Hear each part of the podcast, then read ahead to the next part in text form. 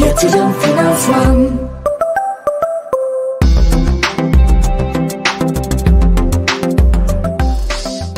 Efendim herkese iyi akşamlar. Yatırım Finansman YouTube kanalındayız. Bu akşam çok özel bir isim ağırlıyoruz. Kendisi her zaman yayınlarımıza çıkmıyor. Nadir akşamlardan bir tanesi. Yatırım Finansman Araştırma Müdürü Serhat Kaya. Serhat hoş geldin.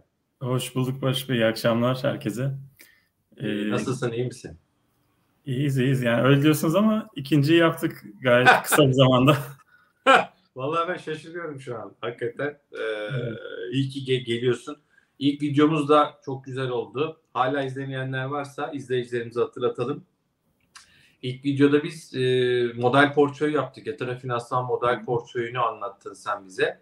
Hı-hı. Orada 20 bine galiba yaklaştık. Hani son e, rakam bilmiyorum ama 20 binlere yakın bir tabloyla e, devam ediyoruz. Hala da geçerli. E, hala da izlenebilecek bir video.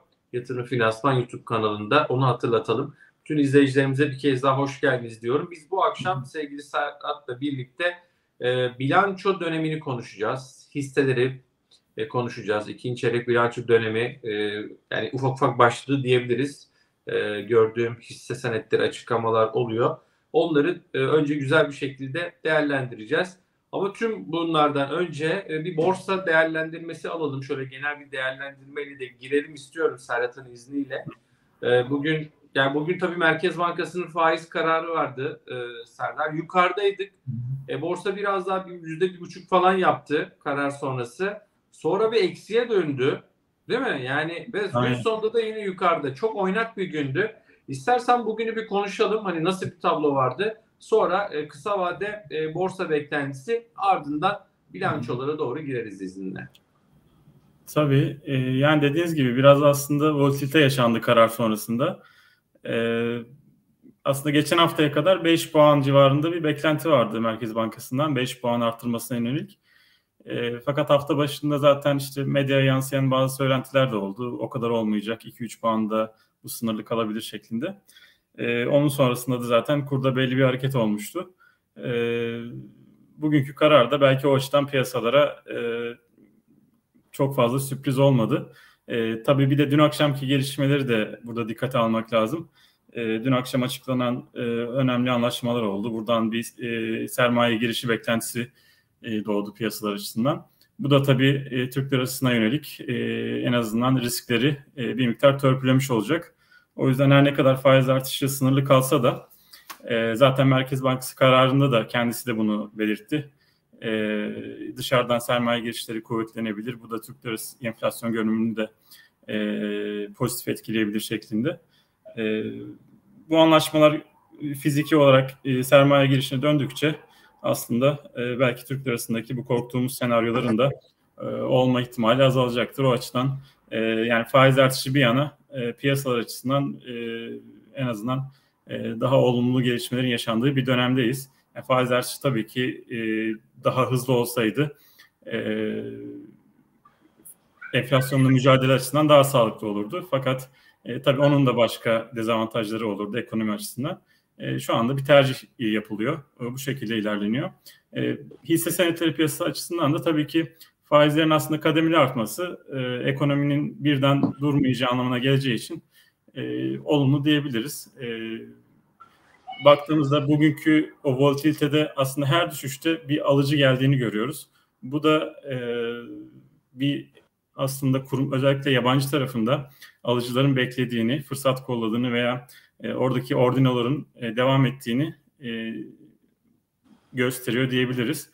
Çünkü orada biliyorsunuz belli büyüklükteki yabancılar zaten e, alışlarını zamana yayarak yapıyorlar. Her volatilitede oldukça da aslında on, onların alışları için fırsat oluyor.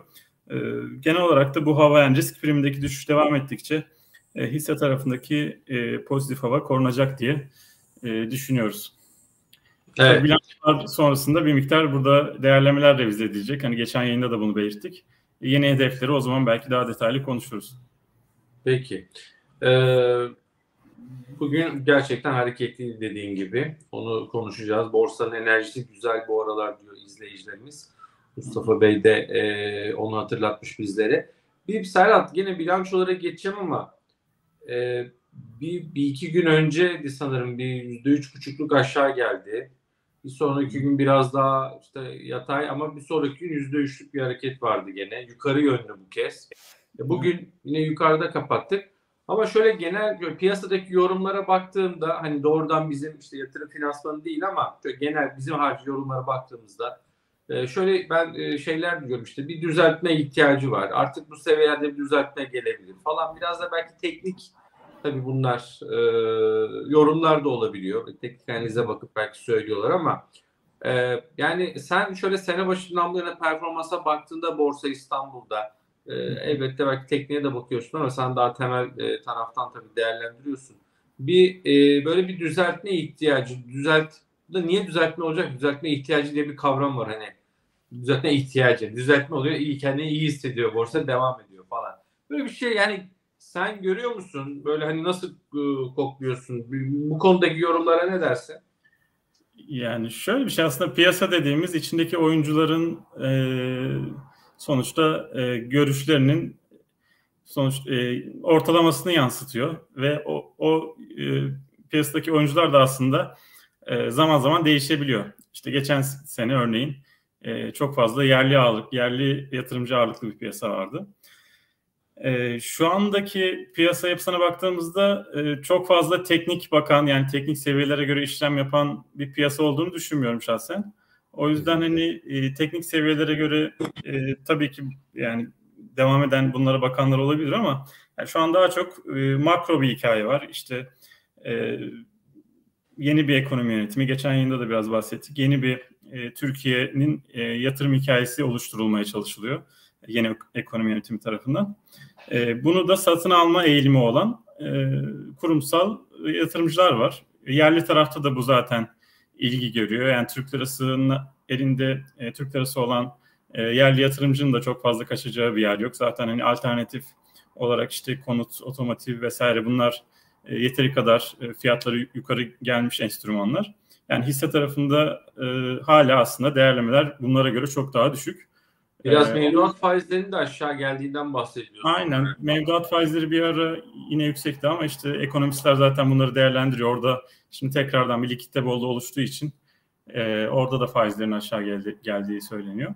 E, yani her halükarda burada hisse senetleri tarafında e, yani piyasa anlamında şu anda e, bir olumlu hava var. Tabii bir de yatırımcıların piyasadan bağımsız olarak eğer elindeki hisseye güveniyorsa yani çok fazla endeks seviyesine bakmadan aslında hisse bazlı, şirket bazlı düşünerek e, eğer bir beklentisi varsa o beklenti gerçekleşene kadar e, pozisyonu korumalarını biz genelde tavsiye ediyoruz. Valla Serhat çok hani e, tabii senin yanında bana laf düşmez ama ya enflasyon var. Yani enflasyonist ortamda e, ister istemez borsa kendini düzeltiyor. Yani yukarı doğru enflasyondan bir hareket. Biz 2022'de de bunu çok net bir şekilde görmüştük. E, borsa hareketini enflasyonla birlikte. Şimdi bu sene ben bakıyorum e, daha bugün konuştuk işte son e, e, hatta e, sevgili Erol Gürcan da bizim yayınımızdaydı Merkez Bankası yayınımızda. Erol diyor yani 50-55 arası bizim enflasyon tahminimiz ve belki yukarı yönlü riskler var. E, ben bugün JP Morgan'ın e, işte Uluslararası Yatırım Bankası Türkiye'ye dair e, yıl sonu enflasyon tahminini e, yazdım. 50'den 57'ye yükseltmiş. Yani enflasyon beklentileri yukarıya giderken e, fiyatlar da piyasadaki, borsadaki fiyatlar da ister istemez oraya kendini sanki uyduruyor gibi. Şimdi geçelim istersen. E, bu konuya da bir yorum varsa alayım. E, Yok katılıyorum kesinlikle. Yani enflasyon aslında aşağı yönlü riskleri TL bazında sınırlıyor borsa için dediğiniz gibi. E, bu zaten artık bir konsensüs oldu. Hani e, hisse tarafında TL bazında e, hani bu enflasyon sayesinde çok fazla e, yani düşüşler de sınırlı oluyor. Son Peki. sene zaten bunu yaşadık. Serhat şimdi elimde benim rapor var. Ben çıktısını da aldım. Ee, 2023 ikinci çeyrek tahminleri yatırım finansman araştırma bölümünün raporu. Şöyle e, ekrana da göstereyim. E, aslında istersen genel bir giriş yap. Çünkü bir özet bölümü de var kar beklentilerine ilişkin. Oradan Tabii. hani iyi, iyi bekledikleriniz, daha öne e, çıkardıklarınız da sanırım burada var. Hı hı. E, onlardan bahsederiz. Sonra izleyicilerimizin sorularına eğer bizim işte bu araştırma kapsamında ise hisseler onlara da bakmaya çalışalım. Yine onlar da yorumlarını, mesajlarını yazsınlar, sorsunlar.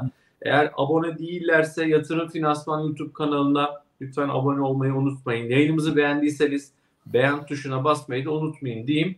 Ee, bu hatırlatma bunlar Serhat YouTube'un şeyleri. Kusura bakma. Sana biraz biliyorum, biliyorum. Çocuklardan ben de biliyorum. evet çocuklar ben biliyorum dedi. Teşekkür ederim. Şimdi Serhat e, hakikaten şöyle bir genel özetle istersen girelim bilanço dönemine dair ne dersin? E, tabii yani önce çok kısa ikinci çeyrekte nasıl bir e, genel ekonomik ortam vardı ondan bahsedeyim. Yani tabii seçim öncesinde e, Türk lirasında döviz kurlarında bir baskı yaşandı herkes tarafından biliniyor zaten. E, Dolar TL'ye baktığımızda bu çeyrekte uzun süre yatay seyrini korudu. İşte seçim öncesine kadar 20 liranın altında seyretti.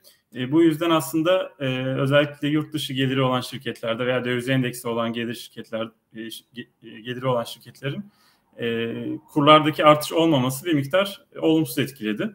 E, fakat seçim sonrasında da kurun birden hızlı yükselmesi, %30'luk bir artış yaşaması bu sefer de e, elinde dövizi olan şirketlerin yani bilançosunda döviz fazlası olup e, döviz varlıklarının e, değeri 31 Mart'tan 30 Haziran e, kapanışına artmış olan şirketlerin e, bu sefer karlarına olumlu yansıdı. O yüzden e, yani genel olarak ciro, ciro büyümesi anlamında yavaş bir çeyrek. Hem kurlardaki artış hem de dünyada yavaş bir ekonomi olduğu nedeni, olması nedeniyle yavaş bir çeyrek. Ama e, karlılıklarda yine burada döviz etkisinin fazla olduğu bir çeyrek. Özellikle dediğim gibi bilançosunda döviz fazlası olan şirketlerde bu etkiyi e, daha fazla göreceğiz. E, burada e, bankalar tarafından isterseniz başlayalım. Yani, ya da şöyle toplam resimdeki rakamları da söyleyebilirim. Yani biz bu çeyrekte banka dışı tarafta e, net karlarda yüzde 35 e, artış öngörüyoruz. Bu TL bazında bir büyüme dediğim gibi. Fakat bunu ortalama kurdan dolara çevirsek aslında dolar bazında banka dışı şirketlerde net kar geçen senenin yüzde beş civarında altında. Yani e, bu yıldan yıla değil mi? Yıldan yani yıla. Bir önceki seneye göre değil. Bahsettiğin evet. 35. Evet, evet. Ya 35 de yıldan yıla, eksi dolar bazında eksi 5 de yıldan yıla. Tamam. Yani e, işte az önce siz de, sizin dediğiniz hikaye aslında. TL bazında karlar artıyor evet enflasyon sayesinde. E, fakat reel anlamda aslında bu çeyrekte karlarda geçen seneye göre bir miktar daralma var. E, bunu dolar bazında hesapladığımızda. Hatta e, cirolara baktığımızda e, e, cirolarda da e, uzun zaman sonra e, dolar bazında e, büyümede ciddi yavaşlama görüyoruz. E, örneğin e, ilk çeyrekte yüzde yirmi civarında e, dolar bazında ciro büyümesi kaydedilmişti. Yine banka dışı şirketler için konuşuyorum. Bu bu çeyrekte yüzde ikiye geriliyor. E, bu neyi yansıtıyor? Bu da aslında dolar bazında birçok özellikle sanayi ürününde e, fiyatların düştüğünü, dünya genelinde e, arz fazlası olduğunu ve birçok üründe dolar bazında fiyatların gerilediğini, işte enerji maliyetlerindeki düşüşün şirketlerin aslında bir yandan da fiyatlamalar fiyatlama e, tarafında e, baskı yarattığını ve genel anlamda reel e, cirolarda büyüme hızının yavaşladığını bu çeyrekte söyle, söyleyebiliriz. Peki, e, istersen bankalara e, geçelim, bankalarla başlayalım. Tamamdır. Bankalar için bu çeyrek e, çok parlak bir çeyrek değil. E, çünkü e, işte seçim öncesinde biliyorsunuz KKM e, faizlerine yönelik bir sınırlama vardı. Bu kaldırıldı. Bu kaldırılınca oradaki faiz oranları çok ciddi oranda arttı. Yine TL mevduat faizleri de onu izledi. Çok yüksek seviyelere geldi. Bir yandan da kredi faizlerinde e, bir sınırlama var. O devam ediyor. E, bu yüzden genel olarak bankaların e, core yani ana işlerindeki kredi e, mevduat faizleri arasındaki makas daraldı. E, o yüzden faaliyet karlarında e, düşüş bekliyoruz. Fakat burada e, yan gelirler var bankalar için işte komisyon gelirleri e, veya alsat kazançları. E, özellikle kur hareketinden burada bazı bankalar iyi karlar elde etti. E, buradan kaynaklanan ayrışmalar göreceğiz bankalar arasında. E, ama genel olarak sektör açısından bu çeyrek çok parlak değil.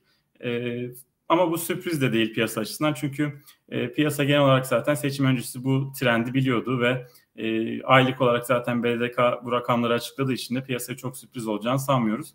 Burada biraz işte olumlu olumsuz ayrışanlar olacaktır. Onlar biraz daha piyasanın takibinde olacak. E, bizim burada beklentimiz Akbank'ın mesela daha olumlu yönde ayrışması yönünde ki genelde de burada piyasa beklentileri gördüğümüz kadarıyla Akbank'ı biraz daha ön planda çıkarıyor bu çeyrekte. E, onun sebebi de işte bu bahsettiğimiz trading kazançları sayesinde e, Akbank'ın bilançosunun bu çeyrekte diğerlerinin aksine e, karında artış e, olması yönünde. E, bu da tabii e, hisse fiyatına e, destek olacaktır diye düşünüyoruz. Peki e, şöyle genel itibariyle baktığımızda e, bankalar tarafından mesela kamu bankalarında e, onu sorayım Serhat bir hani ayrışma olacak mı kamu bankalarında Halkbank, e, Vakıfbank'ı görüyorum ben raporda. O tarafa ilişkin hani farklı bir değerlendirme olur mu? Kamu özel ayrımı e, var mı? E, ne Kamu, dersin? tabii kamular için aslında bu bahsettiğimiz e, e, kredi mevduat makasındaki e, faiz makasındaki daralma kamularda biraz daha ciddi, olumsuz anlamda. E, oradaki karların daha e, hızlı düştüğünü görüyoruz bu çeyrekte. E, o yüzden onların da sonuçları çok e, bu çeyrekte hani güçlü beklemiyoruz açıkçası. E, fakat e, orada başka tabii ki hani e, çeyreklik bilanço dışında başka dinamikler de tabii ki söz konusu. E, o yüzden belki zayıf gelen bilançolar eğer o e, piyasa tarafından olumsuz karşılanırsa e, o tarafta belki bir fırsat olarak değerlendirilebilir diye düşünüyoruz. Şu anki görüşümüz onlar için biraz bekle gör şeklinde ama eğer daha iyi fırsatlar görürsek bilanço sonrasında e, o zaman belki alış yönünde değerlendirilebilir diye düşünüyoruz. Peki e, izleyicilerimizin sorularına da geçeceğim ama ben bu yine ilk bölümdeki özet bölümden isterseniz mesela burada Evet. Türk Traktörü görüyorum. Akçansa, Çimsa, Pegasus, Hı hı. e, Özka, GY, Anadolu Efes, Coca-Cola, Migros, e, Otomotiv vesaire, Ereğli diye var. Burada istersen bu listeden mi gidelim? Mesela Türk Traktör istersen buradan başlayabiliriz. Ben hızlıca geçeyim üzerlerinden. Tamam, E, tamam. çok da hani e, vak- vakit almadan. E, Akbank'tan bahsettik zaten. Bunun tabii dolaylı olarak Sabancı'ya da bu çeyrekte olumlu etkiyi göstereceğini not etmekte fayda var. Çünkü Akbank'ın karı Sabancı Holding'e de yansıyor. O, o yüzden orada da yine olumlu rakamlar görmeyi bekliyoruz. E, Türk Traktörü e, zaten model portföyde konuşmuştuk. E, satışları çok iyi gidiyor. Bu karlılığına da olumlu yansıyor. E, kar marjlarında ilk çeyrekte zaten tarihsel ortalamaların üzerinde bir performans vardı. Bu çeyrek onun da bir miktar üzerinde olmasını bekliyoruz marjların.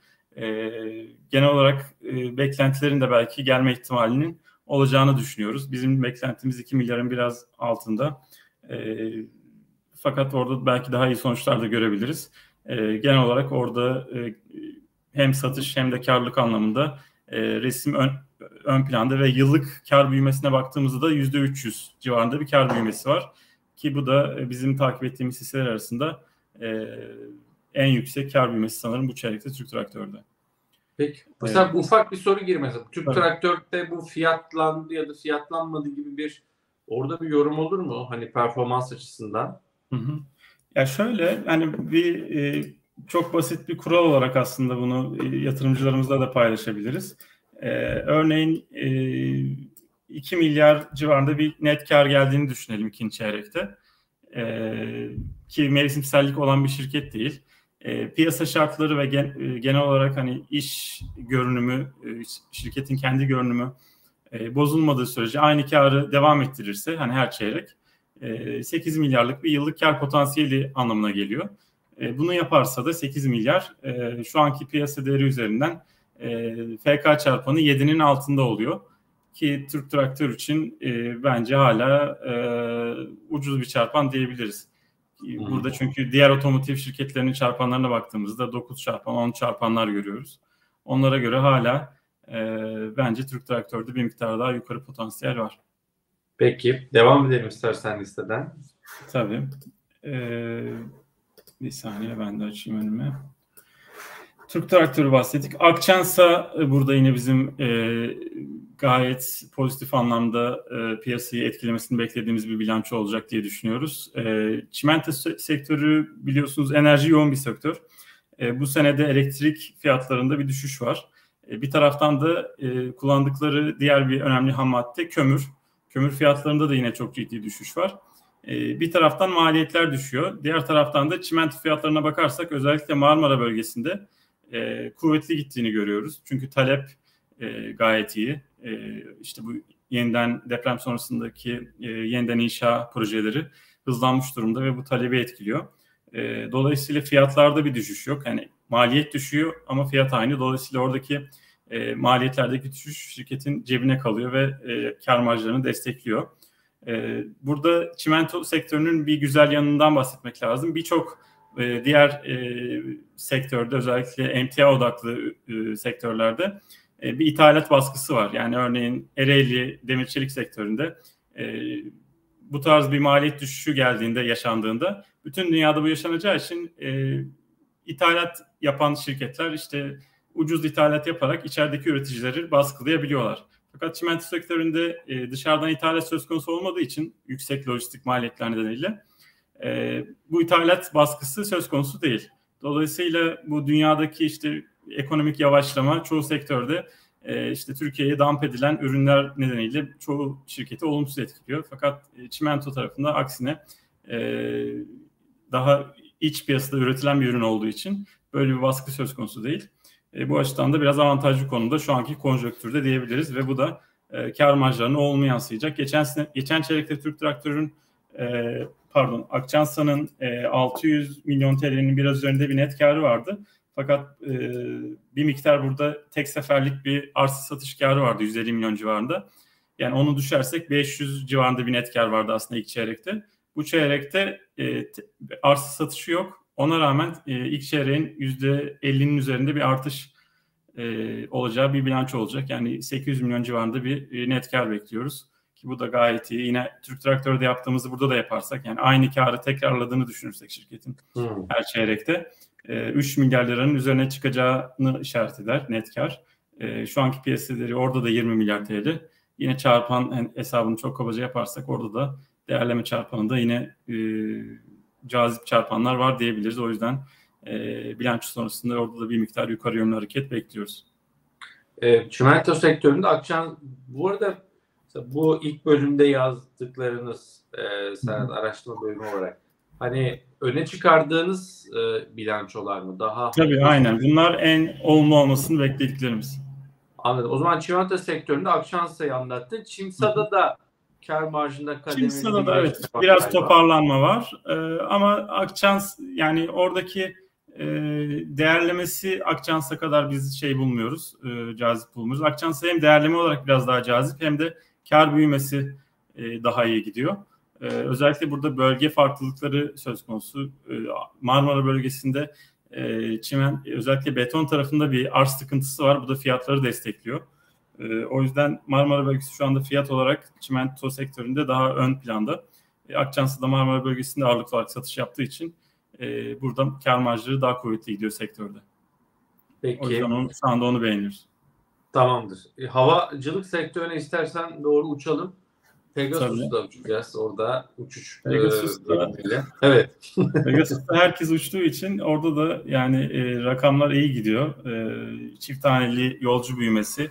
E, geçen sene ikinci çeyrekte zararı vardı şirketin. Bu çeyrekte yolcu büyüme, yolcu sayıları arttıkça e, bu tabii e, bilançoya da yansıyor ve bu sayede net kâra geçecek. Orada asıl üçüncü çeyrekte tabii en yüksek sezon.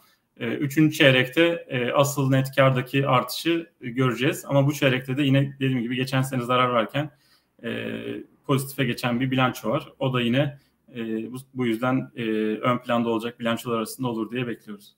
Serhat bir iki ufak soru izninle soracağım. Tabii. Mesela Pegasus'ta hep şey konuşulur. Sabiha Gökçen'de yeni pist açılacak. Abi yıllardır evet. bu pisti bekliyoruz. Nedir orada durum? Öyle bir hikaye var mı gerçekten? Var aslında yani biraz tabii şey e, uzun sürdü. E, tabii bir yandan da e, aslında o terminalin de büyümesi gerekiyor. E, pist galiba aslında e, e, pist daha önce açılacak fakat e, pistin açılmasıyla çok fazla yolcu sayısında bir değişim olmayacak. Asıl terminalin büyümesi gerekiyor. Hmm. O da sanırım 2024 e, yılını bulacak etkisi. Yani orada e, genel olarak havalimanı kapasitesinde, kapasitesinde bir artış e, görmemiz için e, bir, bir, bir buçuk sene daha var. E, terminal tavda mı? Tavın mı? Yok Yanlış değil. E, tav bir ara ilgilenmişti fakat e, almadılar. E, tav demişken tav çok soruluyor. Havacılık dedik. Şu tavı bir lütfen anlatmanı rica ederim. E, bilmiyorum diğer e, şeylerde var mı hani aşağıda? E, var sanırım evet. E, diğer Abi, listede de var. Tav, Tav Havalimanı. Orada da e, yüzde 44'lük bir e, yanlış mı görüyorum? E, yıllık olarak yüzde 70 galiba. Çeyrekten çeyreğe 44 mü? Doğru mu okuyorum? Doğru Net aynen. Yani net- geçen, geçen sene 630 milyon TL net kar vardı. Bu, bu sene e, 1.1 milyar TL bizim beklentimiz. Ya, o da Evet, fena bu değil. Yüzde 74'lük bir yıllık artış Doğru. tahmini. doğru. Hı hı. görüyorum Yani ben. faaliyet karına bakarsak faaliyet karında da yani EBITDA dediğimiz faaliyet karında %47'lik bir artış bekliyoruz. Ee, yani bu da fena değil ama yani TAV, TAV'daki bence şey e, orada bir miktar bizim de geri planda tutmamızdaki asıl sebep e, birkaç ihaleyi biliyorsunuz kazandılar e, Antalya'da ve e, Ankara'da. E, bunların tabii e, kapasite artırımları olacak. Bunların bir yatırım süreci olacak. E, belli bir miktar bilançosu borçlu gidecek bu nedenle. E, o süreci aslında biraz izlemek istiyoruz. Aslında TAV'da gayet iyi bir şirket. Yani havacılık sektöründeki toparlanmadan o da e, olumlu etkilenecek e, bir hisse. E, fakat şu anda tercihimiz biraz daha hava yol yani kendi Pegasus ve e, Türk Hava Yolları tarafının e, yani direkt hava yolu almanın daha cazip olduğu yönünde. Orada da tabii bir numarada Pegasus şu anki tercihimiz. Neden Türk Hava Yolları değil? Değerleme açısından e, diyebiliriz. Yani değerlemesi e, biraz daha doygun geliyor bize. Çarpanları e, aslında benzer Pegasus ve Türk Hava Yolları'nın. Fakat e, Pegasus'ta e, kar marjlarında bu sene iyileşme görüyoruz. Yani geçen sene zaten çok iyiydi. Bu sene onun da üzerine çıkma potansiyeli görüyoruz.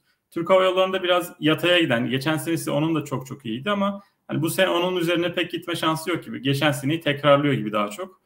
Ee, ama Pegasus'ta onun da üzerine çıkan bir performans söz konusu bu sene. O yüzden Pegasus bir adım önde. Peki e, bu Özak e, gayrimenkul mü? Öz Özak evet Özak GEO. Orada da e, bazı GEO'lar biliyorsunuz yılda iki kere değerleme yapıyorlar. Yani bu biraz tercih meselesi. E, SPK yılda bir, bir kere yapmalarını zorunlu koşuyor ama bu enflasyonist dönemde bazı şirketler e, iki kere yapmayı tercih ettiler. Özak'ta bunlardan bir tanesi. E, geçtiğimiz hafta e, işte portföyündeki gayrimenkullerin ekspertiz raporlarını yeniledi. E, 30 Haziran itibariyle bilançosunda yeni değerleri gösterecek. E, tabii buradan gelecek bir değerleme etkisi oluyor GEO'larda. E, gayrimenkulleri eğer yatırım amaçlı olarak sınıflandırmışsa oradaki artışları da geri tablosunda kar olarak görüyoruz. E, o nedenle de e, bu çeyrekte oradan gelen bir gayrimenkul e, değer artışı etkisi var. Bir de şirketin elindeki bir miktar döviz varlıklar vardı. E, Eurobondlar vardı. Onlardan da yine kar yazacaklar. E, o yüzden e, genel olarak onun da kuvvetli bir sonucu e, oluşacak gibi duruyor bu nedenlerle. E, tabii artacak gayrimenkul değerleriyle e, net aktif değerine göre iskontosu da düşmüş olacak. E, onu da not etmekte fayda var. Evet birazdan Froto soranlar bugün doğum günü demiş borsacı kaptan. isminizi bilmiyorum ama kaptan e, mutlu yıllar. Tabii ki doğum gününde sizi kırmayacağız. E, ama tabii böyle şeyler yaptığımızda da Serhat e, benim de doğum günü diyen çok oluyor. ama ilk diyeni biz yapıyoruz. Onu söyleyeyim. Şimdi borsacı kaptanın e, mutlu yıllar diyerek otomotive birazdan geçeceğim. Zaten önümüzde de var. Ama bu listeden devam edelim. E, perakende tarafında Anadolu Efes, Coca-Cola, e, gıda tarafında Migros gene e, burada güçlü bir çeyrek e, sonucu bekleniyor anladığım kadarıyla. Gıda hmm. ve gıda perakendeciliği ne dersin? Orada e, yani bu üçü dediğiniz gibi biraz ön planda. Üçünün içerisinde de biraz Anadolu Efes e, bir, birkaç adım önde diyebiliriz. E, Anadolu Efes e, biliyorsunuz e, hem Türkiye'de hem de Rusya'da e, bira pazarında e, çok ciddi pazar payı var. E, Türkiye'de özellikle e, son yıllarda e, daha doğrusu son birkaç yıla kadar biraz pazar payı kaybediyordu.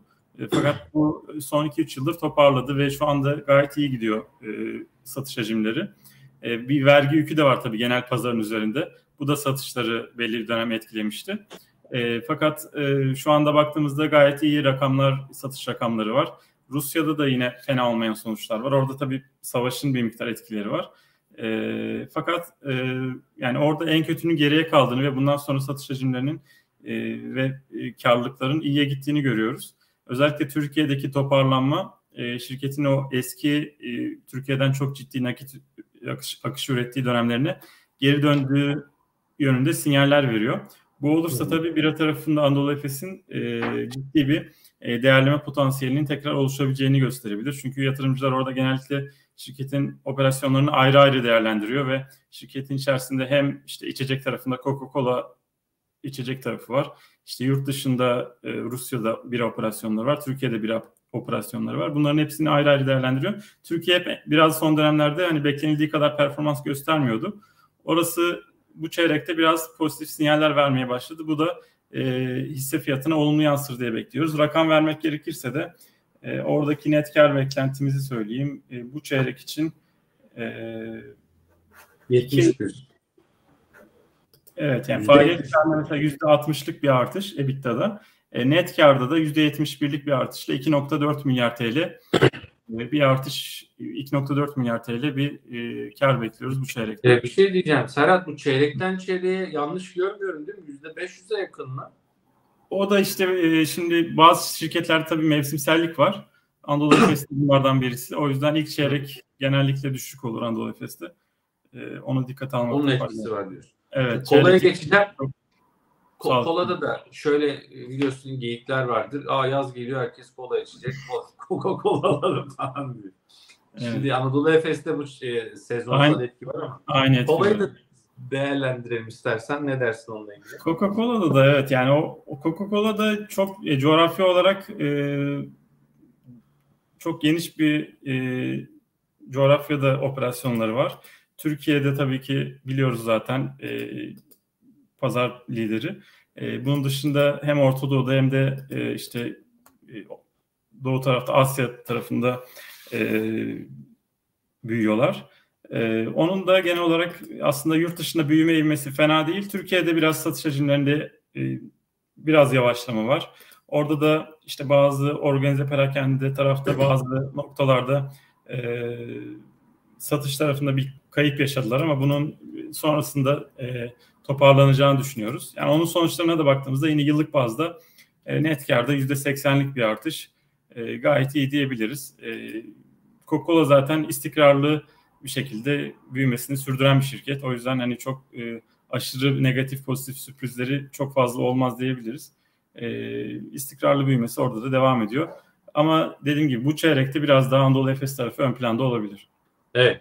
Bu arada arkadaşlar Tüpraş'ı soracağım. Çok görüyorum e, sorularda, mesajlarda. E, demir çelik sektörüne de geleceğiz. Yani bu ana zaten e, blue chip diyebileceğimiz hisse senetlerini konuşacağız. Sevgili Serhat'a soracağım. Canlı yayındayız. E, efendim e, bu akşam 20 Temmuz Perşembe Yatırım Finansman Araştırma Müdürü Serhat Kaya ile birlikteyiz. Sorularınızı da yanıtlıyoruz. Bilanço yayını yapıyoruz. Bilanço tahminleri ikinci çeyrek büyümeye ilişkin. Ee, şimdi Serhat istersen de Migros'a da bakalım. Ee, orada da e, yine iyi bir bilanço beklentisi var anladığım kadarıyla. Migros'ta da evet yani büyüme anlamında e, ivmesini koruyor diyebiliriz. Migros'un zaten e, bir enflasyondan gelen perakende şirketlerinde büyüme söz konusu.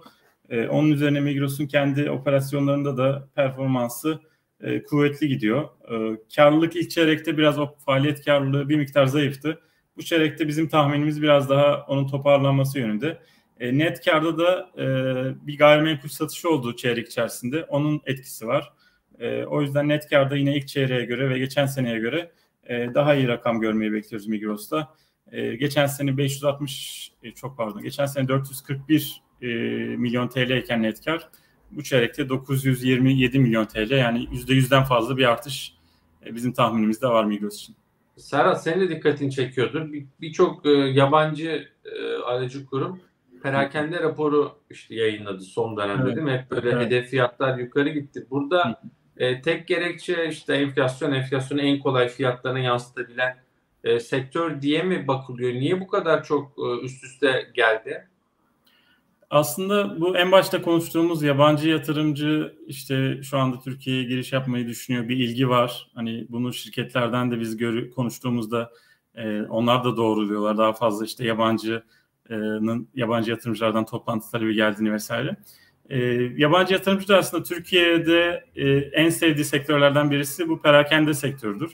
E, çünkü e, işte klasik orada bir büyüme hikayesi vardır. Onlar e, onu yıllar e, çok önceden beridir takip ettikleri için işte organize olmayan pazardan organize pazara doğru bir e, geçiş hani bu tabii ki 10 sene önce 15 sene önce daha geçerli bir temaydı ama e, yabancı bunu bildiği için oradaki büyüme hikayesini e, e, yatırım yap o hikayeye yatırım yapmayı seviyor. O yüzden bu şirketleri de beğeniyorlar. E, fakat e, e orada tabii e, değerlemeleri şu an gelinen değerlemeleri ben biraz e, makul değerlere yakın buluyorum. Yani hem Migros için hem de e, BİM için diyebilirim. Şu an bizim ikisi için değerlememiz var. E, bir de yani yine bu yabancının düşündüğü gibi hani 10 sene önceki Türkiye yok şu anda. Çünkü hem Migros hem diğer indirim mağazaları 10 e, senede çok ciddi fiziksel büyüme yaşadılar. O yüzden pazar da fiziksel olarak yani büyüme anlamında bir miktar doygunluğa ulaştı diye düşünüyorum. Hatta bazı bölgelerde bence yeterinden fazla mağaza var. Bu da bir noktada bir noktada e, maliyetlere bence olumsuz yansıyor.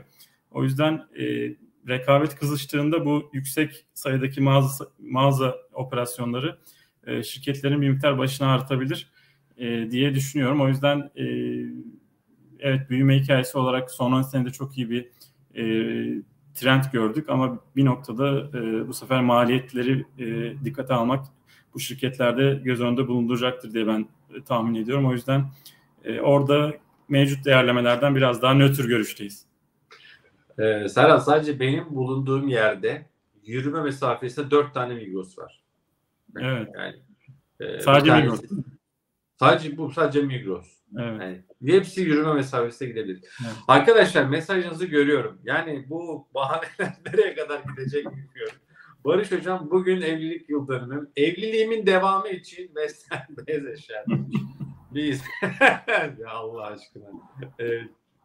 Çok sevgiler aile. Açıkçası şeyimiz yok. Ee, bir tahmin yayınlamadık. Ee, o yüzden e, başka bir hisse Kusura bakmayın geçmiş olsun o zaman. Başka Fakat, bir hisseyle bence kurtaralım bu şey, yani Arçelik, Arçelik e, takip ettiğimiz için şeyi söyleyebiliriz.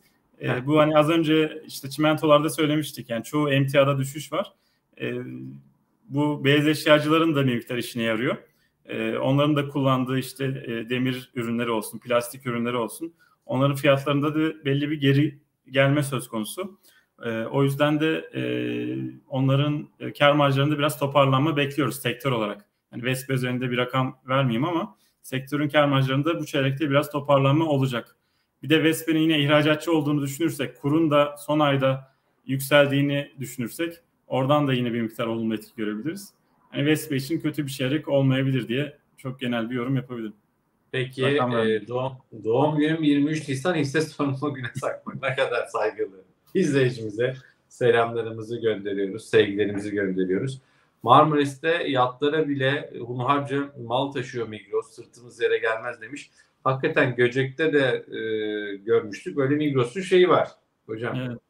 Gemi demeyelim de ona. Hani bu özellikle yatlara e, hizmet veren hizmet şeyleri var. Böyle bir servisleri de var. Servisleri var.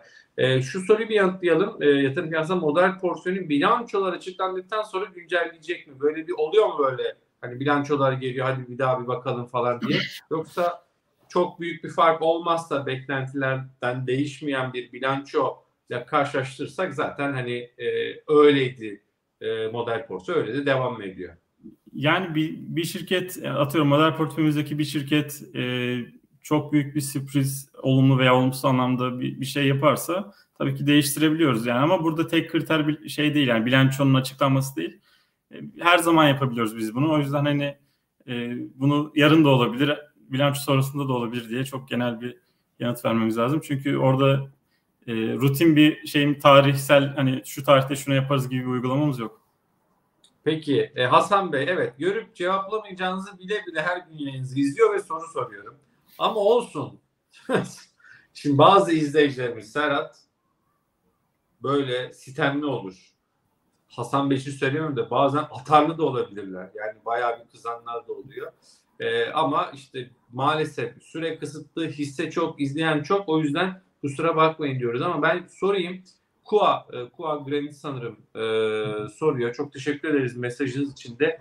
Ben bakıyorum KUA'da maalesef galiba göremiyorum. Var mı bu listede? KUA yani yok maalesef. Yani orada da sektöre değinebiliriz. Tamam. Ee, yani lütfen. çünkü dediğim gibi yani tahminimiz olmadığı için yanıltıcı da olabilir e, bir rakam verirsek. Ama Hı hı. sektörel orada da e, yani gelişmelere bakarsak e, belki talep anlamında çok kuvvetli bir dönem değil. E, ama onların da e, yani seramik sektörü de enerji yoğun diyebiliriz.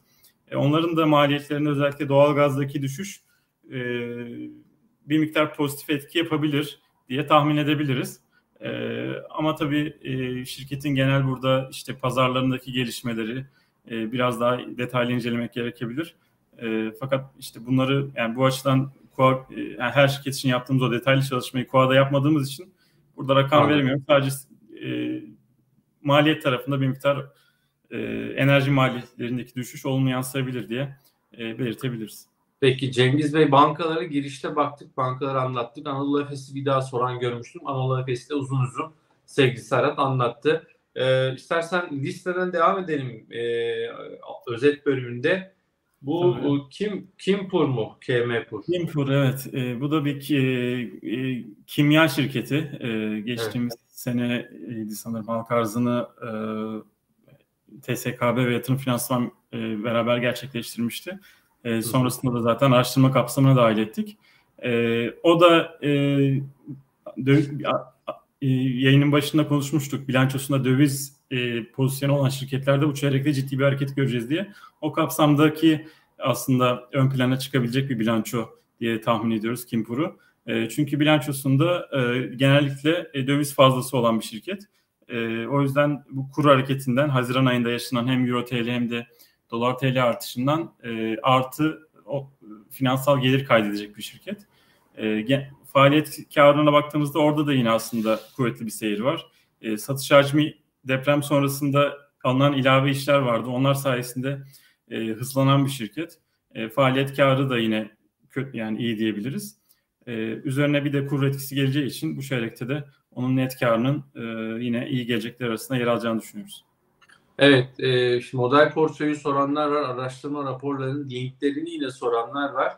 E, internet sitemize e, üye olabilirsiniz ve orada üye olduğunuzda hangi e, raporları e, almak istiyorsanız onlar size geliyor diye biliyorum. İkincisi e, biz burada tabii e, daha genel konuşuyoruz. E, Serhat'ın başında olduğu araştırma bölümümüzün gün içerisinde ya da dönemsel olarak çok daha detaylı işte sektörel o dönemin konjonktürüne özel raporları çıkıyor. Yine özel belki işte hisselere dönük sorular olduğunda e, o hisseye dönük özel işte bir değerlendirme e, rapor demeyeyim de bir özet gibi bir e, bilgilendirme analiz geliyor. E, dolayısıyla hani biz burada e, daha butik işi, daha o tailor made işi dediğimiz araştırma aslında müşterilere özel sunuyor. E, onu da bir kez daha ifade edeyim. Yatırım Finansman Araştırma Bölümü güzel bir ekiple Serhat'ın e, liderliğinde e, gerçekten çok çalışıyorlar. E, Serhat'a ben takılıyorum. Ya işte abi niye yayına gelmiyorsun işte gel yayın yapalım falan diye. E, hakikaten yoğunlar. E, o yoğunlukta sağ olsun bize de vakit ayırıyor. Ama dediğim gibi. E, estağfurullah işte zaman zaman döviz pozisyonu daha yüksek olan şirketler oluyor. Ne bileyim yani bir dolu farklı temayla ilgili e, biz gün içerisinde raporları görebiliyoruz ama bunlar müşterilere özel gidiyor. Yani müşterilere özel bir şekilde e, o raporlar gönderiliyor. E, o e, şu hassasiyetimiz var. Araştırma bölümümüzün de ricası. Hani e, tabii ki biz burada yayınlar yapacağız. Genel bilgilendirmeler yapacağız. İşte kar tahminlerini anlatacağız ama yani müşterilerin de bir özel e, şeyi olsun. Yani onları da onlara has hizmetleri de biz koruyalım. O konuda da hassasiyetini araştırma bölümümüzün anlıyoruz, saygı duyuyoruz. E, dolayısıyla daha detaylı bir şekilde hisselerle ilgili, sektörlerle ilgili ya da temalarla ilgili diyeyim raporlara yatırım finansman müşterisi olursanız e, ulaşabilirsiniz. O hatırlatmayı da yapayım. E, müşteri olmak için, için de online hesap aç. E, linkimiz var. Arkadaşlarımız belki onu da ekrana yazdır. Online hesap aç bölümünden yatırım finansman müşterisi olmak isterseniz kaydınızı bırakın. Arkadaşlarınız sizlere mutlaka ulaşacaktır değil. Serhat, e, otomotiv sektörü ki Ford'u soran izleyicimiz vardı. E, kırmayacağız demiştik. Burada Ford, Tofaş ve Doğaş'ı görüyorum. Valla Doğaç beni hep şaşırtıyor. Ee, yani bir dim distribütör sonuçta ithalatçı bir firma ama yani müthiş e, hakikaten tırnak içerisinde her dönemde bir şekilde gidiyor. Oto, yani kur gidince de gidiyor. Ne bileyim yani bir şekilde e, yol alıyor. Bilmiyorum evet. ne dersin. İstersen Doğaç'la başlayalım. Ford'da devam ederiz. Evet. devam ederiz. Yani burada tabii ki e, şirketlerin kendi bireysel performansları da e, önemli ama şu anda otomotiv sektöründe e, bu karların asıl e, altında yatan sebep aslında talep tarafındaki e, hani çılgınlık seviyesine varan e, hani tüketicinin davranışları. Yani liste fiyatı işte 800 bin lira olan bir arabaya bayi 1 milyon dediğinde yani bir alıcı bulabiliyorsa burada işte başka bir şey vardır yani başka bir sıkıntı vardır ve bunun da hani buradaki karı da aslında çok sürdürülebilir görmek bize göre e, biraz sakıncalı. Yani evet şirketlerin karları dediğiniz gibi yani operasyonları çok kuvvetli yani bu süreci yönetmeleri çok başarılı. E, fakat burada sektörel bir konjonktürel bir e, kuvvetli bir dönem var ve istisnai bir dönem diye biz düşünüyoruz. Yani bir noktada yani otomotiv dediğimiz şey çünkü sonuçta hani e, bir altın gibi sınırlı sayıda üretimi olan e, bir şey değil. E, belli bir noktada hani büyük otomotiv e, markaları e, bu e, içerideki bu güçlü talebi karşılamak için üretimlerini arttırabilip arttırarak veya diğer pazarlardaki e, zayıf talep olursa buraya işte oradaki adetleri buraya yönlendirerek buradaki talebi karşılayabilir diye düşünüyoruz. O yüzden yani bu arz talep sıkışıklığı bir yerde normalleşecek diye tahmin ediyoruz. Tabii bu işte alsat üzerine kurulu olan sıfır araç talebi de bir yerde normalleşecektir. E, o talep olmadığında belki o köpük de kalkacaktır. O yüzden hani sektörel bu e, istisnai dönemin belli bir yerde normalleşeceğini biz tahmin ediyoruz. O yüzden e, şu andaki evet karlılıklar çok iyi dediğiniz gibi Doğuş Otomotiv mesela sadece e, işte distribütör olarak ve tabii bir miktarda yedek parça ve e, burada işte e, perakende iş, iş kolları da var içerisinde operasyonlar da var ama hani baktığımızda bir üretimi yok. Ona, ona rağmen işte neredeyse Ford'a yakın bir net kar var bu çeyrekte. E, bu işte biraz konjektürel bunu biz görüyoruz ve e, bunu da açıkçası e, hani bu karları görüp yatırımcıların işte bu şirketten az önce mesela Akçansa'da veya Türk Traktör'de yaptığımız hesabın e, doğuş, bu tarz hani e, çok e, yüksek karlı karları gördüğümüz mesela Doğuş Otomotiv'de yapmanın e, çok sağlıklı olacağını düşünmüyoruz. Çünkü e, onu yıllıklandırdığımızda ve o karın sürekli devam edeceğini düşündüğümüzde e, evet ucuz duruyor değerleme ama e, o varsayım yani o karın sürekli devam edeceğini e, yapma varsayımı e, bize çok şey gelmiyor. E, sağlıklı gelmiyor ve hani bu tabii ki bir görüştür. E, belki e, yani 6 ay önce sorsak hani biz yine aslında bunu istisna yani devam etmeyeceğini görürüz ve orada aşağı yönlü risk gördüğümüz için mesela Doğuş Otomotiv'de biz e, mesela en son rally'yi kaçırdık hani orada açık konuşmak gerekirse. E, ama bu yani bir tercihtir. E, hani bazen hani risk herkes risk tercihi yapar. Yani orada risk almazsınız, başka yerde risk alırsınız. E, o açıdan hani biz iyi bilanço olsa da bunun piyasa açısından çok fazla sürpriz yaratacağını düşünmüyoruz. Zaten hani herkes burada bu piyasanın içerisinde zaten otomotiv tarafının ne kadar iyi gittiği biliniyor. E, o yüzden bu rakamlarda çok fazla sürpriz olmayacak diye düşünüyoruz. Peki. E, Valla e, Ereğli ve Kardemir vesaire o tarafa geçeceğim ama e, İpek Hanım yazmışsınız. Şu Çap Çapanlı öğretmen siz de demişsiniz. Daha ne yazayım demişsiniz. Benim e, lisem e, şimdi Çapa Fen Lisesi olmuş. Sayas sormuş. Say e, yenilenebilir enerji diye tahmin ediyorum. Ben burada e, göremedim ama belki yenilenebilir enerji sektörüne dair yine belki bir sektörel yorum gelir diye tahmin ediyorum. Evet. Sevgili Serhat'tan. İpek Hanım'ı da kırmayalım. Buyurun. O tabii yani kendine has bir sektörü var. Ee, yani bizde eşdeğeri yok diye biliyorum. Ee, e, ana iş kolu rüzgar e, kulelerinin işte çeşitli aksamlarını e, üretmek. Enerji ee, ekipmanları evet. Evet enerji yani özellikle rüzgar kulesi üzerine uzmanlaşmış bir şirket. Hmm. Ee, tabii e, bu rüzgar enerjisi yatırımları arttıkça da e, onların da iş hacmi büyüyor. E, bu açıdan aslında orta ve uzun vadeli olarak büyüme e, potansiyeli olan bir şirket. E, ama çeyreklik olarak orada da kar tahminimiz yok. E, ama bu büyüme eğiliminin e, ve yine orada da genel olarak siparişlerini zaten açıklıyorlar yeni sipariş aldıkça E, siparişlerinin de dolu olduğunu e, en son hatırladığım kadarıyla biliyorum. E, o yüzden e, istikrarlı yani genel olarak çok fazla onun da böyle çok aşağı yukarı sapmaları fazla olmuyor son dönemde. İstikrarını korur diye tahmin ediyorum. Valla bir izleyicimiz şöyle demiş Magnetör diyor ki aracı bakım için servise doğuşa bırakınca hissesini almaya karar veriyorsun. şöyle bir şey var Serhat tabii daha iyi bilir ama şöyle otomotiv sektörün duayenleriyle konuştuğumuzda e, şunu söylerler hep. Ya asıl otomotiv satışından para kazan. Gerçi son dönem biraz farklı. Yani evet. bu işte araba bulunmadığı için çok rahat e, distribütörler, bayiler fiyatları çat diye yukarı çekebiliyorlar. Ee, neyse yani o konuda daha fazla yorum yapmıyorum ama nedense her yerde dünyada araba var. Türkiye araba gelmiyor. Evet. Ee, ama otomotiv sektörü önemli bir geliri de bu servis e, sektöründen kazanır. Tabii. Belki Serhat daha iyi bilir değil mi? Doğru. doğru. Yani eskiden zaten e, yani Doğuş Otomotiv'in e, hani karının yaklaşık üçte biri bu üçte satış biri. sonrası yedek parça ve işte servislerden gelirdi. Fakat tabii şu anda dediğiniz gibi sıfır araçlarda kar marjı çok yükseldiği için bu oran biraz daha aşağı geldi. Peki e, Froto ve Tofaş'ı pas geçtiniz. Geçmedik Pakize Hanım. Yorumlayacağız. Niye pas geçelim? Sırayla gidiyoruz. Yani orada da aynı kapsam. Aynı yorumları yani aslında on, onlar için de yapabiliriz. Yani orada da rakamlar kuvvetli. Yani Ford Otosan'da e, yani tabii daha ihracat ağırlıklı Ford Otosan. Onun da ihracat adetleri e, yani çok kuvvetli olmasa da fena değil. E, Tofaş için de daha çok iç piyasada Ege modeliyle şu anda iş yapıyorlar. Onun da yine orada karlılıkları iyi gidiyor diyebiliriz.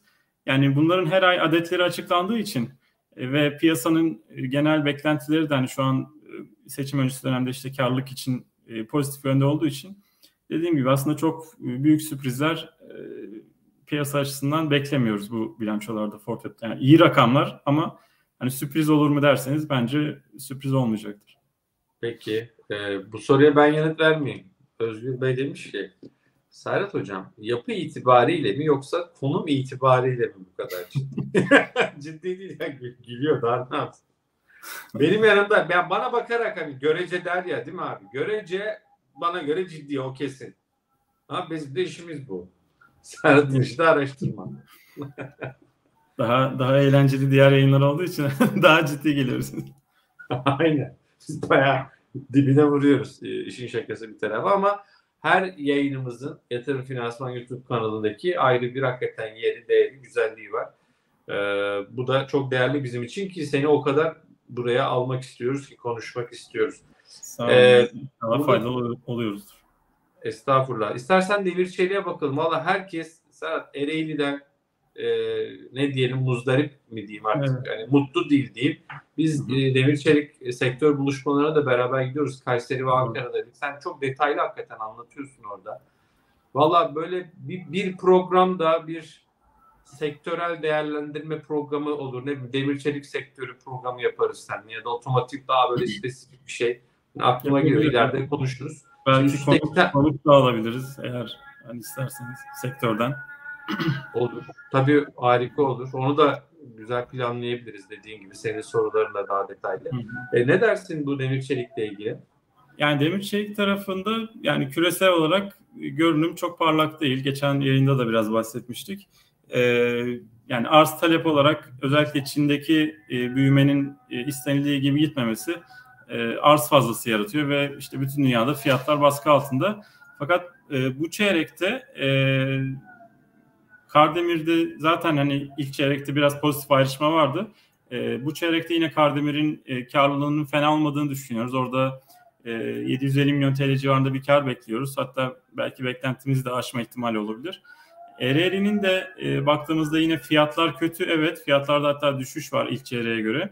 E, İstemir fabrikası depremden etkilenmişti. Onun da bir miktar yine olumsuz etkisi var. Faaliyeti geçti ama tam hala eski kapasitesine ulaşmadı. On, yani bütün bu olumsuz faktörlere rağmen aslında Ereğli'nin faaliyet karlılığında bu çeyrekte biraz toparlanma var. Yani ilk çeyrekte sıfıra yakın neredeyse ton başına EBITDA yani faaliyet karı elde etmişti. Ki bunun tarihsel ortalaması 140-150 dolarlar. Şimdi bu çeyrekte o kadar olumsuz faktöre rağmen tekrardan 100 doların üzerinde bir faaliyet karı ton başına e, beklentimiz var. E, bu da tabii ki maliyet tarafındaki düşüşten geliyor. E, işte demir cevherinde, kömür tarafında, hurdada bir düşüş var. Bunlar da gecikmeli de olsa bu çeyrekte e, gelir tablosuna yansıyacak.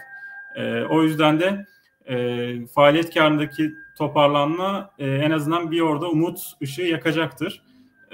Fakat net karda oldukça zayıf bir resim var Ereğli'de. O da çok teknik hani isterseniz anlatayım. Yani Ereğli bilançosunu dolar tuttuğu için e, dolar olarak varlıkları yani dolar TL arttığında e, dolar e, bilançosunda e, bir ku, e, vergi oluşuyor ve ertelenmiş vergi gideri oluşuyor. E, çünkü diğer taraftan TL bazlı e, tuttuğu vergi bilançosunda varlık değerleri daha düşük kaldığı için aradaki fark yükseliyor. E, dolar bazlı rakamlarla TL bazlı rakamlar arasındaki yani e, dolar bazlı rakamın TL'ye dönüşmüş haliyle tabii ki. Böyle olunca da aradaki varlıkların bu değerleme farkını e, ertelenmiş vergi olarak e, gelir tablosunda maalesef yansıtmak zorunda kalıyorlar. E, bu da e, bu çeyrekte e, göreceğimiz bir etki olacak. O yüzden de e, orada bizim tahminimiz 2 milyarın üzerinde bir zarar, net zarar oluşacak. Hmm. E, burada tabii ki faaliyet karının zayıf olmasının da bir etkisi var ama ana etken burada vergi konusu. Bu da biraz fiktif bir etki diye söylemek lazım. Yani aslında bu tamamen e, dediğim gibi dolar bilanço tutmasının getirdiği bir etki. E, yani Ereğli dolar bilanço yapmamış olsaydı e, bu çeyrekte gayet iyi net kar görecektik. Valla e, Serhat ben şeyleri hatırlıyorum ya. Hangi seneyi bilmiyorum ben geçen sene ondan önceki sene mi? Böyle banka kadar kar açıklayan demir çelikler vardı yani. Milyar milyar diyorduk. Vay be bu ne diyorduk ya banka mı bunlar falan diyorduk değil mi? Döngüsel olmanın getirdiği bir şey yani bir, orada hani şeyde de e, sunumlarda da belirtiyoruz yani bazen öyle bir sene yaşarsınız ki o bir sene 4-5 seneyi yaşatır. Ee, yani dediğiniz gibi 2021-2022'nin ilk yarısı o öyle bir dönemdi. E, fakat şu andaki marjlarla da işte biraz o, o dönem elde ettiği karlarla e, şu an cepten yaşıyorlar diyebiliriz. Peki Kardemir e, hani nispeten sen onun e, karşılaştırmasını da yapıyorsun e, sunumlarında. Kardemir'e ilişkin ne dersin? Oradaki Kardemir bir, biraz daha iyi. Orada da üretim hacmi aslında tam istenilen seviyede değil bu çeyrekte. E, çünkü yine o da iç piyasadaki bu kredi e, e, sıkışık kredi koşulları bir miktar orada da talebi olumsuz etkiliyor. Fakat ona rağmen e, Kardemir'in biz net karında e, hatta faaliyet karında da yine bu söz konusu e, güzel sonuçlar bekliyoruz. Yani geçen sene yani sektörün en iyi dönemiydi işte az önce konuşuyorduk. E, 1.4 milyardı geçen sene şeyin e, çok pardon bu şeyi karıştırdım. Geçen sene 1.7 milyardı. Yani bu çeyrekte de ona yakın 1.4 milyar TL e, bir net e, faaliyet karı bizim beklentimiz var. Yani o kadar fiyatlar neredeyse yarı yarıya düşmüşken TL bazında en azından aynı karı yapıyor olmak, faaliyet karını yapıyor olmak bizce iyi bir sonuç Kardemir için. Burada kötü olan sektörde biraz olumlu ayrışan bir hisse gibi duruyor Kardemir. Peki, e, tabii fırsat hissesi mi vesaire diye yorumlar da var. Onlar artık biraz hani orta ve uzun vade için yatırımcıların kararı olacak. E, ama kısa vadeye ilişkin tablo bu. Şimdi e, sanırım ha, Türk Telekom görüyorum listeyi tamamlamadan. Türk Telekom ve Turkcell de birlikte değerlendirdiğimiz çünkü Turkcell'i e, biz sanırım listeye de aldık değil mi? Model portföy yakın zamanda Turkcell'i ekledik. Aynen. Turkcell'de de birlikte değerlendirsen. Tabii sektörde biraz şu anda Turkcell'i tercih ediyoruz. Bu çeyrek bilançosunda da Turkcell bir adım önde gibi duruyor. Orada çünkü hem mobil taraftaki fiyatlamalar biraz daha iyi gidiyor. Hem de e, Türk Telekom'un ku, kurdan gelen bir olumsuz etkisi var döviz borcu olduğu için. E, o nedenle o da net karda yani dip tarafta net zarar açıklayacak bizim beklentimize göre bu çeyrekte. E, Türksel tarafında ise gayet iyi. Hem e, marjlarda faaliyet marjında e, toparlanma var. Hem de e, net karda da yine e, gayet iyi. 3 milyara yakın bir e, net kar beklentimiz söz konusu. Ki e, bu da e, bakıyorum geçen seneye göre yüzde 60 civarında bir artışa denk geliyor ki e, aslında burada tek seferlik gelir giderleri falan e, onlarla düzelttiğimizde e, artış yüzdesi daha fazla. Peki. E, şimdi bize gelen sorulardan, hani çokça gelen sorulardan Tüpraş'a yanıt veririz demiştik. Tüpraş listemizde var. Yani değerlendirme listesinde. Tabii. E, Tüpraş'a ilişkin beklentin nedir? E, ne dersin? Tüpraş'ta bu çeyrekte e, hani çok çok iyi bir bilanço değil. Yine fena değil. İlk çeyreğe e, paralel diyebiliriz net kar beklentimiz. Bir, bir, ilk çeyreğin biraz üzerinde. E, fakat orada asıl e, karlılıkta toparlanmanın üçüncü çeyrekte yaşanması muhtemel gibi duruyor. E, bu çeyrek için e, çünkü birkaç olumsuz faktör vardı. Birincisi e, şirketin kapasite kullanım oranı duruşlar nedeniyle, rutin duruşlar nedeniyle tam beklenilen seviyeye ulaşmadı. Bir de ikincisi Nisan ve Mayıs aylarında beklenenden daha düşük rafineri marjları vardı. Haziranda bunlar toparlandı. Şu anda da gayet iyi gidiyor. O yüzden e, hani üçüncü şey, ikinci çeyrek ilk çeyreğe paralel diyebiliriz. Bir miktarda kur artışının az da olsa bir finansal gider etkisi olacak burada. Fakat bunu üçüncü çeyrekte işte stok etkisiyle telafi edecekler. E, o yüzden e, ikinci çeyrek e, biraz e, hani rutin bir çeyrek. Çok aşırı pozitif sürprizin olmayabileceği bir çeyrek ama üçüncü çeyrek beklentisinin kuvvetli olduğu e, bir hisse diyebiliriz sürpriz için. Peki şimdi değerli arkadaşlar e, yani sorduğunuz hisse, hisse senetlerinin çoğunu yorumladık. Mesela DAK e, içecek sektöründen Anadolu Efes'e Coca-Cola'yı programın başında yorumladık. Yayın hmm. bittikten sonra e, tamamlarız e, yakın zamanda.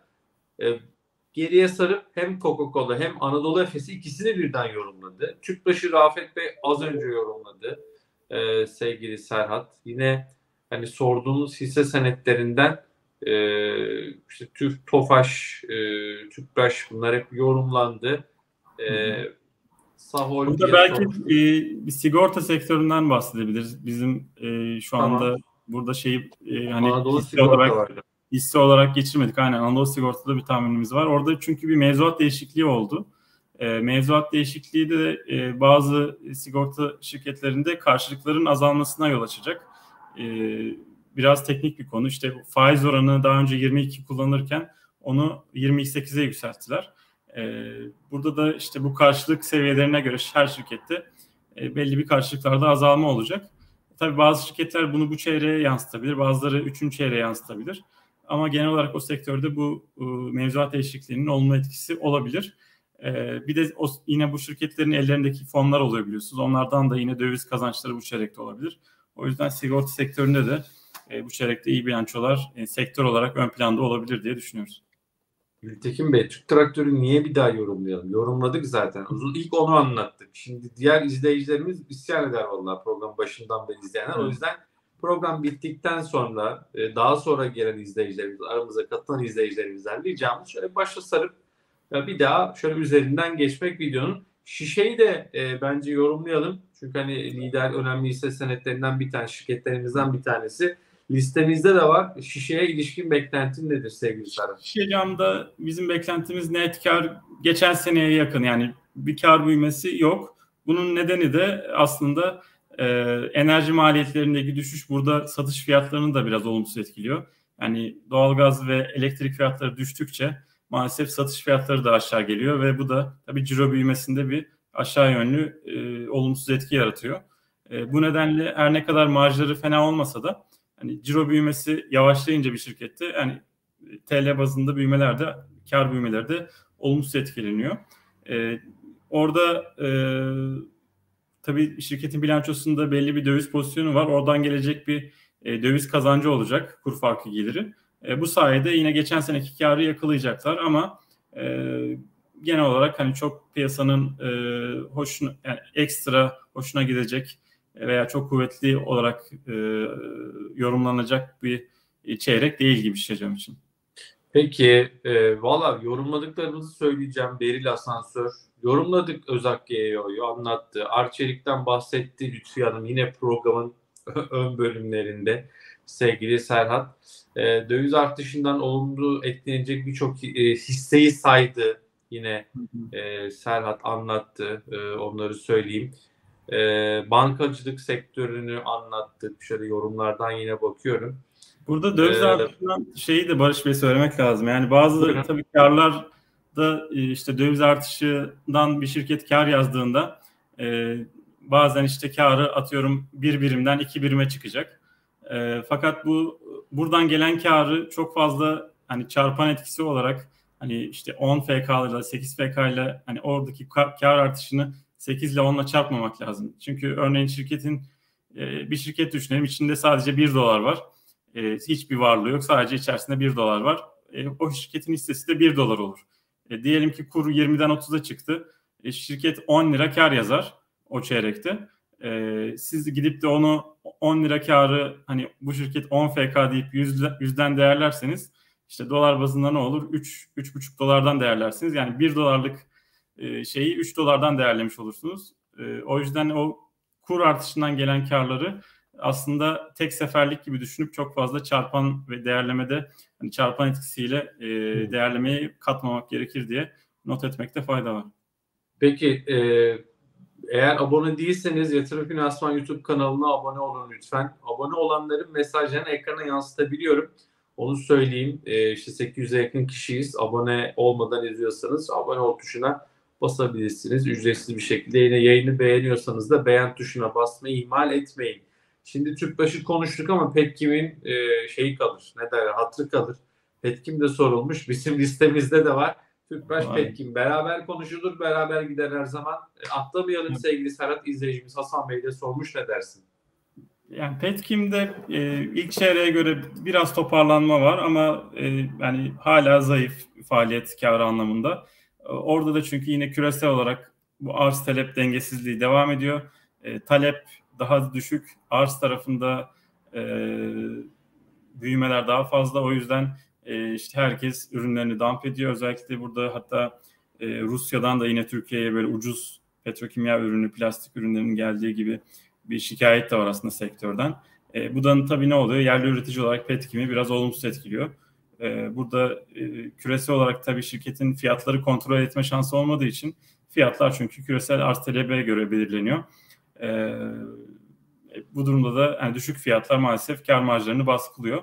E, o açıdan Petkim'in e, bu çeyreğinin de genel olarak zayıf olmasını, faaliyet karının geçtiğimiz senenin oldukça altında olmasını bekliyoruz diyebilirim.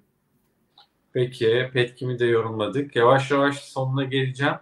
E, programımızın 1 saat 10 dakikaya doğru yaklaşıyoruz. Bir mesaj ekrana getirecektim ama e, neydi onu unuttum. Çok yukarılarda kaldı muhtemelen.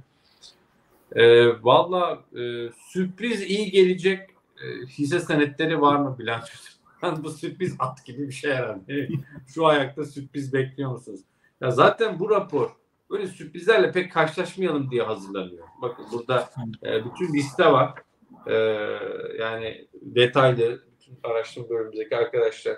Burada kaç tane liste var Serhat yaklaşık? E, yaklaşık 40-45 tane şeyimiz var. E, tahmin yayınladığımız şirket var. Evet yani az buz değil 40-45 tane. Ee, iyi beklenenleri de ilk girişte konuştuk. Yayının başında konuştuk. Ama herhalde Serhat hadi şöyle sorayım ben. Bu bilanço döneminin yıldızı hı hı. hangisi olur sence bu kapsam kap, kapsam e, giren hisse senetleri arasında? Yani ben yine bir birinci sıraya hani Akçansa Türk Traktör arasında kararsız kalırım. İkisi ikisi diyebilirim Akçansa ve Türk Traktör bence e, en dikkat çekenlerden yani bizim listemizde e, diyebilirim. E, buraya biraz daha tabii bunlar biraz daha hani orta ölçekli. İşte 30 endeksten e, ne hangisi dersek de yani Türksel burada listede yok ama Türksel'deki iyileşmenin devam etme potansiyeli olduğu için ve hani sürpriz deniyor ya yani belki bunlar sonuçta bizim beklentimiz. Türksel'de sürpriz potansiyeli de olabilir. E, Türksel, e, Kardemir ve Sabancı'yı da burada hani sürpriz potansiyeli olabilecekler arasına e, yazabiliriz. Peki yani bu, bu şu demek değil ama e, Serhat tabii daha güzel ifade eder ama bu sürpriz işte iyi gelmesini beklediğimiz hisse senetleri. Aa bilanço öncesi al hemen ikiye katla, beşe katla kısa vadede. Bundan bahsetmiyoruz. Bu böyle bir yayın değil. Onun Tabii altını çizelim. Sürpriz e, hisse çok iyi bir bilançoların yıldızı olur dediğimiz o ikiye katlayacak hemen bilanço sonrası demek değil. Aman bu e, bunlar böyle anlaşılmasın. Bu hakikaten hani rakam anlamında, değil mi? Performans anlamında, bilanço anlamında iyi gelecek. Ha yani kimi zaman beklenti e, gerçekler işte beklentiler satılır, gerçekler satılır. E, kimi zaman başka bir haber gelir. O konuda hani bir şey demek, piyasayı öngörmek e, her zaman e, mümkün olmayabilir. Hani bu e, şeyi de ifade edelim de yarın bir gün ne olur ne olmaz ama hani rakamsal anlamda şöyle çalıştığında araştırma bölümü e, değil mi Serhat? İşte gelir gider karlılık tahminleri olduğunda bunlar öne çıkıyor. Tabii ki. Yani burada tabii e, şey olarak hani e, değerleme e, ayrı bir nokta. Bizim burada konuştuklarımız daha çok bilançolar üzerinde bir rakam. Yani bir şirket karı ne kadar artırıyor olsun, artırıyorsa artırsın her zaman bir daha önce bu fiyatlanmış mı fiyatlanmamış diye zaten yatırımcıların bakması gerekir. İşte zaten az önce örnekleriyle baktık. Yani en azından bu kar devam ederse ben bu şirketi hangi çarpanı ödüyorum? onu bir hesaplasınlar. E, eğer o çarpan hoşlarına giden bir çarpan, gerektiği kadar iskontolu bir çarpansa e, o zaman bu e, bilançoları değerlendirebilirler. Ee, Özgür Bey diyor ki raporlara mobilden baktın şimdi yok PC'den bakmak gerekiyor. Yoksa mobil için özel bir açılım yapmamız gerekiyor mu? Hayır. Valla ben de girdim siz sorunca. Ee, nasıl giriyorsunuz? Öyle söyleyeyim. Ee, bir kere YF.com.tr yatırım finansmanın internet sitesi YF.com.tr Bakın mobilden e, şöyle göstereyim. Açıyoruz. Sağ üst tarafta e, şöyle üç tane çizgi var. Oraya tıklıyoruz. E, bakın şöyle bir ekran açılıyor. Daha sonra burada ürün ve hizmetler var. Bakın ürün ve hizmetlere değil hemen onun altına giriyoruz. Ürün ve hizmetlerin altına. Piyasa analizi. Piyasa analizini tıkladığımızda şöyle bir liste geliyor. Bu listede raporlar ve bültenleri tıklıyorum raporlar ve bültenleri tıkladığımda bakın karşınıza bunlar çıkıyor. E, bu mesela kar tahminleri raporu Serhat e, anlamak bilmediğim için soruyorum. Kimlere gitti? Bu internet sitesinde var mı bu raporumuz? E, yükleniyor diye biliyorum ama zaten müşterilerimize mail olarak e, iki gün önce e, gönderildi. Ulaşmıştır. Evet. evet. E, yani mesela bu hafta başka bir raporumuz daha çıktı. Bir GEO raporumuz. E, o da yine bütün müşterilere e, mail olarak gönderiliyor. Tabii e, bunlar e, şeyler tarafından, müşteri temsilcileri tarafından hani mail haricinde işte yakından çalışılırsa eğer e, ayrıca zaten işte telefonla veya e, işte chatler üzerinden de aktarılıyor zaten. Peki e, ya iki tane kaldı izinle. Yani bir saat 12 dakika gayet Tabii. uzun bir yayın oldu. Teşekkür ederiz ama Aselsan'ı çok gördüm. Bir de Mavi'yi en son görüyorum e, soranlarda. Aselsan son dönemde işte savunma, savunma anlaşmaları, körfez ziyareti falan Hı. hani e, hareketliliğin olduğu bir sektör oldu. E, savunma sanayi ne dersin Aselsan'la ilgili? Aselsan da bu çeyrek için e, e, açıkçası e, yine fena olmayan bir bilanço var. Orada e, büyüme olarak zaten istikrarlı bir şirket. E, uzun yıllara dair bir sözleşme portföyü olduğu için e, büyüme anlamında e, işlerin iyi gittiğini söyleyebiliriz. E, kar marjlarında da yine e, istikrarlı genellikle asasen işte ortalama %22-24 arasında bir e, EBITDA marjı e, sürdürüyorlar. E, biz bu çeyrekte bunun korunmasını bekliyoruz. E, net karda da bu çeyrekte tabii kurlardaki Haziran ayında yaşanan artış Aselsan'a bir miktar olumlu yansıyacak. Çünkü onun da döviz tarafında bir fazlası mevcut.